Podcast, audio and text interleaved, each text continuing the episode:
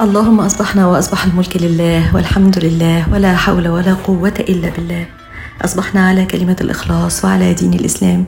دين نبينا محمد وملة أبينا إبراهيم حنيفا مسلما وما كان من المشركين.